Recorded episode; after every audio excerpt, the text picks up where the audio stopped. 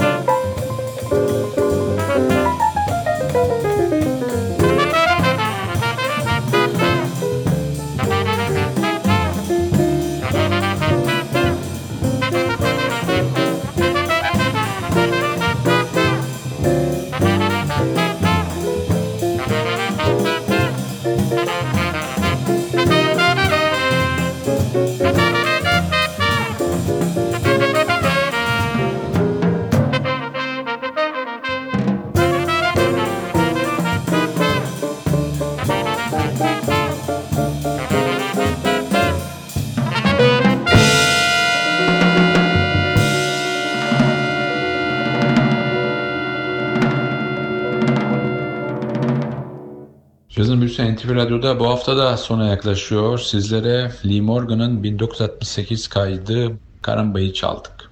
Albüm Morgan'ın kısa yaşamında yapmış olduğu onlarca güzel albümden sadece bir tanesi. Önümüzdeki haftalarda da Lee Morgan'ı çalmaya devam edeceğiz. Sanatçının kısa, trajik ama çok verimli yaşamından kesitler sizlere sunacağız. Bugün çalacağım son parça sanatçının kendisini vurarak öldüren eşi Helen Moore için yaptığı bir beste Helen's Rituals. Bu parçayla sizlere veda ederken haftaya NTV Radyo'da yeni bir cazın büyüsünde buluşmak ümidiyle ben Hakan Rauf Tüfekçi Vatili Özdal hepinizi selamlıyoruz. Hoşçakalın.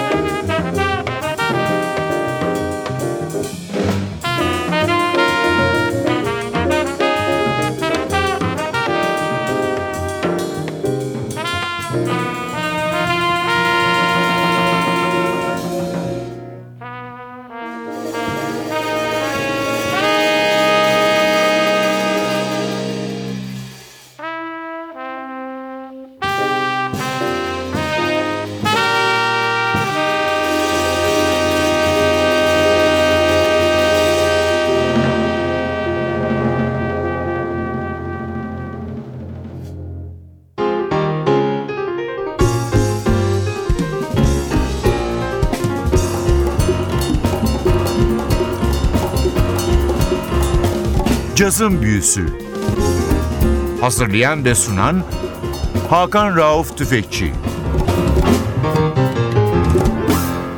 Cazın Büyüsü sona erdi. Programın tüm bölümlerini ntvradio.com.tr adresindeki podcast sayfamızdan dinleyebilirsiniz.